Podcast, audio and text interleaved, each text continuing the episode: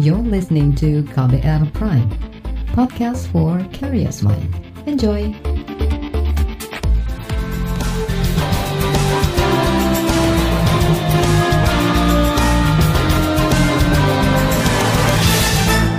Halo saudara, senang sekali kami bisa menyapa Anda kembali dalam program KBR Sore untuk edisi hari ini, Jumat 17 Juli 2020. Saya, Sindu Darmawan, akan menemani Anda selama kurang lebih 30 menit. Kali ini kita akan membahas semakin banyaknya kasus baru positif COVID-19 tanpa gejala. Hingga saat ini jumlah kasus positif virus corona se-Indonesia mencapai lebih dari 81 ribu orang. Pasien sembuh lebih dari 40 ribu orang dan 3.800 lebih meninggal. Provinsi Jawa Timur masih menempati undakan pertama dengan jumlah kasus 17.500-an orang.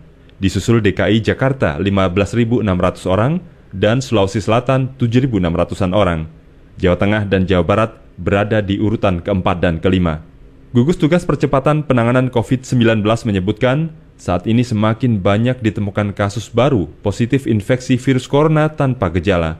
Masyarakat pun diimbau semakin waspada. Saudara, pemerintah Provinsi DKI Jakarta terhitung mulai hari ini memperpanjang penerapan pembatasan sosial berskala besar PSBB transisi selama dua pekan ke depan. Ini merupakan perpanjangan kedua sejak pertama diterapkan 4 Juni lalu. Gubernur DKI Jakarta Anies Baswedan menjelaskan data epidemiologi menunjukkan ibu kota belum aman untuk dilakukan pelonggaran. Angka positivity rate atau presentase positif dari hasil tes meningkat dalam sepekan terakhir menjadi 5,9 persen, melampaui ambang aman sesuai rekomendasi Organisasi Kesehatan Dunia WHO yaitu 5 persen. Begitu juga dengan RT atau angka penularan di Jakarta. Sebelumnya skor RT selalu di bawah 1, tapi sejak 12 Juli lalu skornya naik jadi 1,15. Artinya, satu orang positif terinfeksi COVID-19 bisa menginfeksi satu orang lainnya. Berdasarkan data-data tadi, maka akan amat berisiko apabila kita melonggarkan fase 1 PSBB transisi ini dan masuk ke fase 2. Karena itu, kami di DKI Jakarta, gugus tugas memutuskan untuk kembali memperpanjang fase 1 PSBB transisi ini sampai dua pekan ke depan sebelum kita bisa beralih ke fase kedua. Malah justru saat ini kita harus lebih serius dalam memastikan protokol kesehatan. Memastikan apa? Untuk dijalankan dengan ketat. Pada prinsipnya, bila tidak perlu keluar rumah, jangan pergi. Tetaplah berada di dalam rumah. Dan seluruh kegiatan beroperasi dengan setengah kapasitas. Dan harus pakai masker bila terpaksa harus berkegiatan di luar. Cuci tangan menggunakan sabun secara rutin dan menjaga jarak satu meter dalam interaksi apa pun. Gubernur Anies Baswedan menambahkan, banyak tempat tidur di ruang isolasi rumah sakit yang kosong. Dari 67 rumah sakit rujukan COVID-19 di Jakarta hingga 12 Juli kemarin, baru terisi 45 persen. Anies juga mengingatkan, banyak pasien baru yang tidak bergejala. Mereka juga tidak dirawat di rumah sakit. Jangan lengah, jangan merasa kondisi baik-baik saja, dan jangan menganggap semua orang yang di sekitar kita juga baik-baik saja. Ingat, 66% dari kasus positif baru di Jakarta dalam seminggu terakhir adalah mereka yang tidak memiliki gejala sakit, tidak memiliki keluhan, dan merekalah yang ditemukan positif. Karena itu terus disiplin, menerapkan protokol kesehatan di mana pun, kapan pun, dalam situasi apa pun, dan terus saling mengingatkan. Itu tadi Gubernur DKI Jakarta Anies Baswedan. Saudara banyaknya pasien baru tanpa gejala juga menjadi gambaran di level nasional. Juru bicara gugus tugas penanganan COVID-19, Ahmad Yuryanto mengatakan kasus-kasus positif yang baru ditemukan di Indonesia justru berasal dari orang tanpa gejala atau tak punya keluhan sakit bahwa kasus yang kita dapatkan pada akhir-akhir ini sangat signifikan, terutama pada kelompok konfirmasi positif tanpa gejala, konfirmasi positif yang asimptomatis. Ini dimaknai bahwa bisa menurunkan angka hunian rumah sakit, artinya tidak perlu dirawat rumah sakit, dan juga akan berkontribusi terhadap penurunan kasus meninggal. Namun ini juga menjadi kewaspadaan kita bahwa mereka harus melaksanakan isolasi dengan ketat. Kalau tidak, maka akan menjadi sumber penularan di tengah-tengah kita. Itu tadi juru bicara gugus tugas penanganan COVID-19 Ahmad Yuryanto. Saudara, seusai jeda kami akan sampaikan laporan redaksi bertajuk Gelombang Pasien COVID-19 Tanpa Gejala yang Sulit Dibendung. Tetaplah di KBR Sore. You're listening to KBR Pride, podcast for curious mind. Enjoy!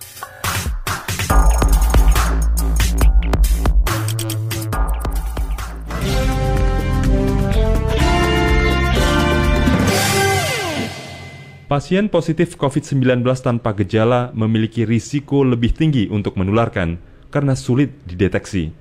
Ibaratnya, virus bekerja dalam senyap tetapi dampaknya bisa sangat mematikan. Rentetan kasus orang tanpa gejala sudah bertebaran sejak COVID-19 tercatat masuk ke Indonesia, hingga jumlah fantastis pasien di sekolah calon perwira Bandung. Simak laporan tim KBR yang dibacakan Astri Yuwanasari. Oke, coba saya ingin tahu harus jujur ya Zakia ya. Siap. Apa yang dirasakan setelah dinyatakan positif COVID-19? Izin yang dirasakan saat kami nyatakan positif COVID adalah pertama kami merasa sehat izin jenderal. Tidak ada keluhan flu, demam ataupun yang lain-lain. Siap. Jadi sama sekali nggak ada yang dirasakan ya? Siap, tidak ada jenderal. Ini adalah cuplikan pembicaraan Kepala Staf TNI Angkatan Darat Andika Perkasa dengan salah satu siswa di Sekolah Calon Perwira Angkatan Darat atau Secapa yang positif COVID-19. Secapa yang berlokasi di Bandung menjadi klaster baru di Jawa Barat. Hanya dalam hitungan hari, lebih dari 1.200 siswa dan pengajar dinyatakan terjangkit virus corona. Dari seribuan orang itu tercatat hanya 17 orang yang dirawat, itu pun dengan gejala ringan. Selebihnya merupakan orang tanpa gejala alias OTG. Saat berbincang dengan Andika, para calon perwira itu mengaku sehat, namun mereka kaget karena difonis mengidap virus corona. Salah satunya Dede, siswa secapa asal Lumajang, Jawa Timur. Yang kami rasakan setelah dinyatakan positif COVID-19, yang pertama kami tidak mengalami keluh, keluhan pilek, batuk, maupun flu yang lainnya. Tapi kami merasa bersedih dinyatakan positif. Selesai. Klaster secapa bermula dari dua orang yang dinyatakan positif, kemudian meluas menjadi seribuan orang usai tes usap massal. Area secapa langsung dikarantina dan seluruh kegiatannya dipantau. Ratusan pasien kini sudah dinyatakan sembuh. Kasus secapa menjadi perhatian khusus tim pakar gugus tugas penanganan COVID-19. Anggota tim pakar Dewi Nur Aisyah mengatakan, lembaga seperti secapa bisa saja sudah ketat dalam memperlakukan protokol kesehatan. Namun ada celah dari kegiatan keseharian yang kerap diremehkan seperti saat makan siang. Penularan bisa terjadi di momen-momen seperti ini jika protokol diabaikan sebenarnya kalau kita belajar dari secapai juga bahwa memang sebenarnya protokol kesehatan sudah diterapkan tapi saya ingin ingatkan hmm. ada titik-titik kritis yang kita kadang lupa. Yang pertama titik kritis pada saat makan dokter Lula. Iya. Nggak mungkin pakai masker pake dalam masker, keadaan betul. makan. Betul. Kalau makan buka masker masih ngobrol kanan kiri kira-kira gimana tuh? Kasus pasien COVID-19 tanpa gejala terus bermunculan tanpa pandang usia maupun jabatan. Lihat saja dua pejabat Ombudsman Indonesia, Ninik Rahayu dan Leli Pelitasari yang terjangkit COVID pada Maret lalu. Keduanya menjalani isolasi di rumah sakit selama 14 hari sebelum dinyatakan sembuh. Ninik Rahayu yang saat itu merasa sehat-sehat saja awalnya tidak percaya bahwa dirinya positif corona. Sempat ada penolakan lah dari diri saya sendiri gitu karena tadi saya sakit tanpa gejala, tidak merasa sesak nafas, tidak panas yang berlebihan, tidak batuk yang berlebihan. Maka saya menganggap saya sehat saja. Leli Pelitasari juga tidak merasakan gejala berarti saat masih berstatus pasien positif COVID-19. Hanya saja bila kondisi sedang stres, ia sedikit merasakan gatal di tenggorokan. Saya merasa virus ini virus bandel.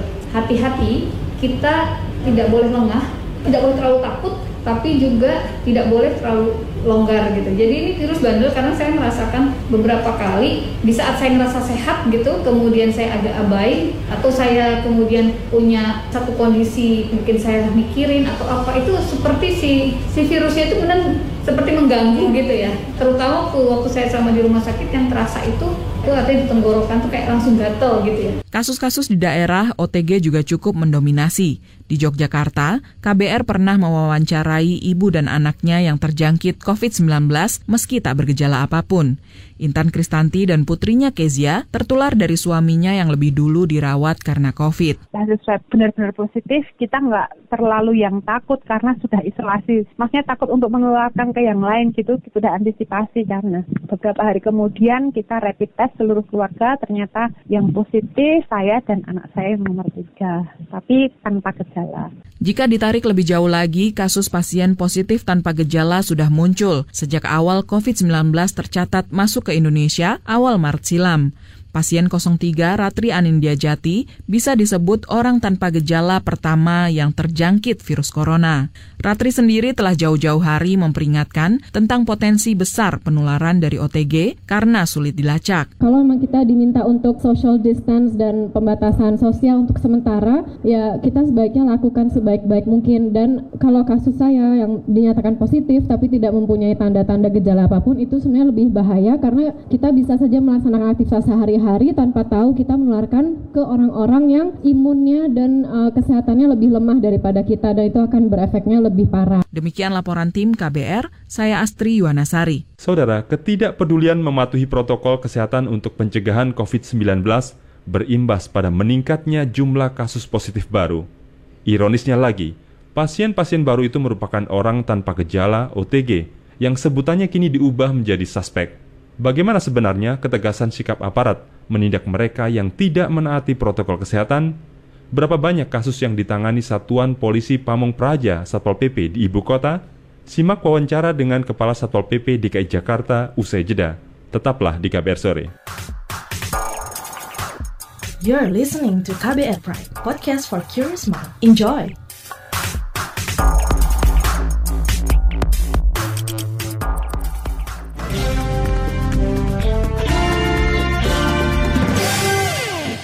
Terima kasih Anda masih bersama kami di KBR Sore. Saudara Satuan Polisi Pamong Praja Satpol PP DKI Jakarta mencatat selama masa pembatasan sosial berskala besar PSBB transisi, lebih dari 27 ribu orang terbukti melanggar protokol kesehatan.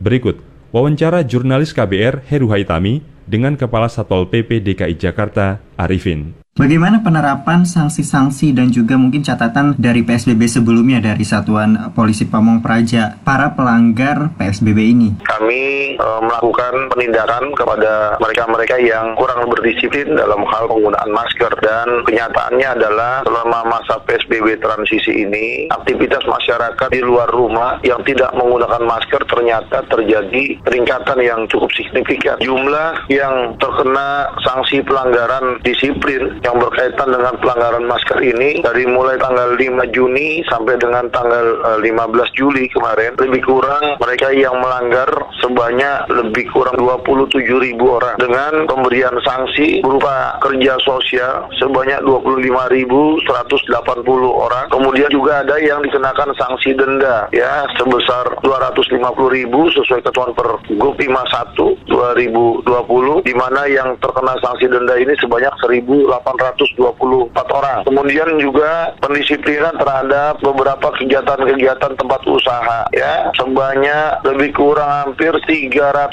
tempat-tempat usaha berupa teguran tertulis sebanyak 265 orang dan juga pengenaan denda di 53 tempat. Selain itu juga kegiatan sosial budaya khususnya yang berkaitan dengan kegiatan industri pariwisata kami juga lakukan penindakan-penindakan di sana ya sehingga kalau kita melihat dari jumlah pengenaan pengenaan denda yang sudah dibayarkan mereka yang melanggar disiplin PSBB ini ya untuk denda pelanggaran kepada mereka yang tidak berdisiplin menggunakan masker yaitu sebanyak 337 juta 910 ribu. Lalu bagaimana efektivitas sanksi terhadap patuhan masyarakat menjalankan protokol kesehatan? Sesungguhnya secara umum memang masyarakat kita sudah ada peningkatan kesadaran untuk mematuhi ketentuan sebagaimana tadi yang saya katakan ya ketentuan dalam hal protokol protokol COVID-19 ini. Apakah itu yang berkaitan dengan sarana prasarana di satu tempat untuk dipenuhi seperti penyediaan wastafel cuci tangan dengan air yang mengalir, kemudian juga pemeriksaan termogan, kemudian juga yang berkaitan dengan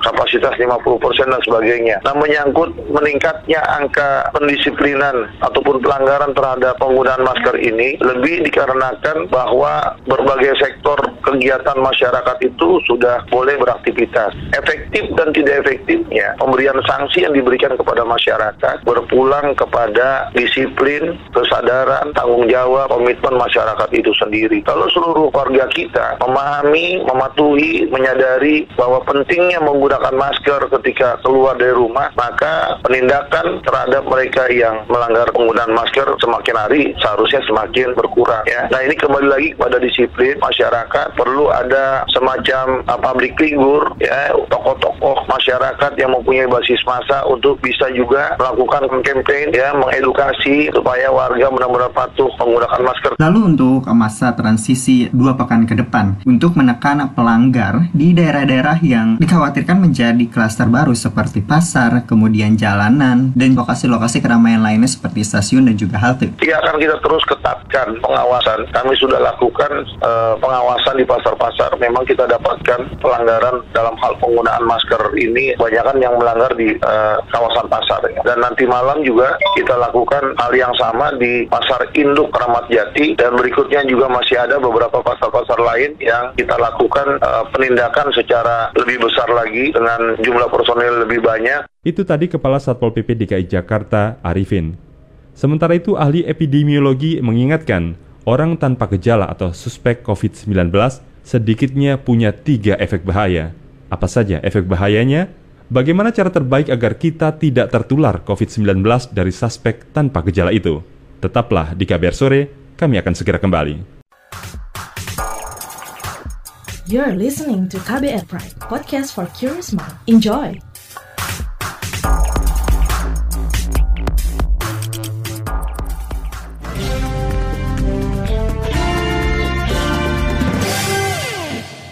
Anda masih mendengarkan KBR Sore. Saudara, masifnya penambahan kasus baru di DKI Jakarta yang didominasi orang tanpa gejala OTG disebabkan kurangnya kesadaran masyarakat melaksanakan protokol kesehatan dan kebersihan.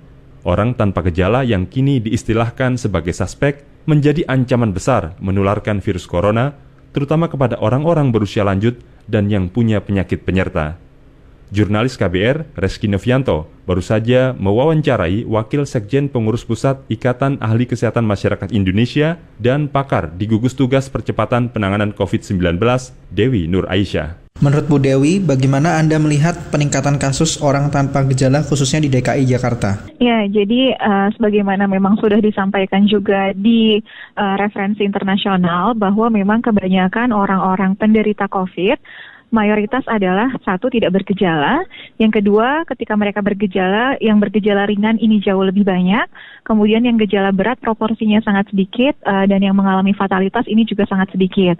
Nah, uh, sebenarnya kalau untuk di Indonesia sendiri Bagaimana kita tahu bahwa seseorang yang tidak bergejala itu positif ketika daerah tersebut sudah melakukan namanya surveillance aktif, yaitu bukan hanya memeriksa orang-orang yang punya gejala yang datang ke fasilitas pelayanan kesehatan, tapi juga melakukan pemeriksaan kepada orang-orang di titik-titik keramaian atau di titik-titik tempat berkumpul banyak orang yang uh, bisa jadi kemungkinan penularannya lebih tinggi di sana. Maka contohnya Dinkes DKI Jakarta pergi ke tempat-tempat seperti pasar, terminal, untuk dilakukan adanya active case finding surveillance. Dan dari sana ditemukanlah bahwa ada sekitar lebih dari 60 persen yang ditemui tidak ada gejala sama sekali tapi positif. Menurut Anda, seberapa bahaya OTG ini menularkan kepada seseorang? Nah, ini sebenarnya kan memang ada ada dua hal yang harus kita ambil.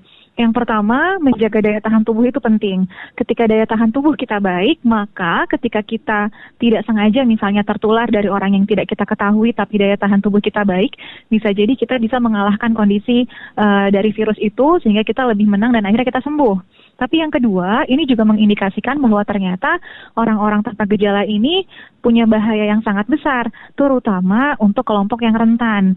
Siapa kelompok yang rentan ini? Satu, kepada orang-orang yang usianya sudah lanjut. Yang kedua, kepada mereka yang memiliki kondisi penyerta, seperti penyakit jantung, penyakit ginjal, hipertensi, diabetes, dan lain sebagainya. Nah, OTG ini bisa menularkan tanpa dia tahu dia terinfeksi uh, dan inilah kenapa akhirnya kita lebih harus mendisiplinkan diri dalam rangka menerapkan protokol kesehatan. Menurut Anda, apa yang harus dilakukan masyarakat agar terhindar dari bahaya tertular atau menjadi OTG? Iya, jadi sebenarnya kan uh, virus ini hanya menyerang uh, bagian mukosa wajah melalui mata, hidung, dan mulut. Jadi sebenarnya satu yang dipastikan, ketika kita menyentuh mata, ngucek-ngucek mata gitu misalnya, atau kita megang hidung kita, atau kan kita kadang suka megang bibir kita misalnya, pastikan tangan itu sudah dicuci. Kenapa? Karena permukaan virus itu dapat dengan mudah pecah ketika dia terkena dengan sabun. Nah, jadi kenapa akhirnya kita selalu bilang, iya kalau misalnya berpergian bawa hand sanitizer, jangan bosan bosan-bosan tangannya ini dibersihkan dengan hand sanitizer. Misalnya kita habis naik kereta, di kereta kita pegang pegangan, kita nggak tahu yang udah megang pegangan di kereta itu udah berapa ribu orang. Dan apakah semuanya bersih, apakah tidak ada virus di sana. Oleh sebab itu, ketika turun kereta, semprot lagi hand sanitizernya. Sampai kantor, cuci tangannya dengan segera. Nah, jadi kita harus lebih sering-sering cuci tangan bawa hand sanitizer ke mana-mana. Dan satu lagi Mas mungkin yang harus diingatkan adalah terkait dengan uh, salah satu saat-saat kritis penularan bisa terjadi adalah pada saat makan siang.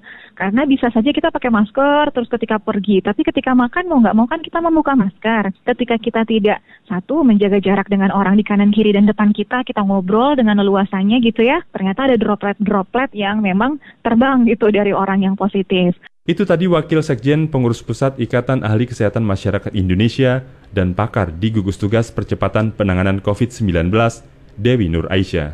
Saudara pemerintah menargetkan menguji 30 ribu spesimen dalam satu hari. Saat ini Indonesia baru sanggup menguji 22 ribu sampel per hari. Target masih jauh tercapai, sehingga perlu kerja keras bersama untuk mewujudkannya. Hal itu sudah ditegaskan Presiden Joko Widodo dalam berbagai kesempatan.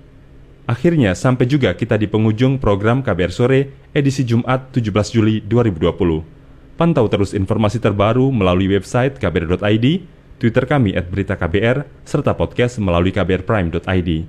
Akhirnya saya Sindu Darmawan dan kerabat kerja yang bertugas undur diri. Salam.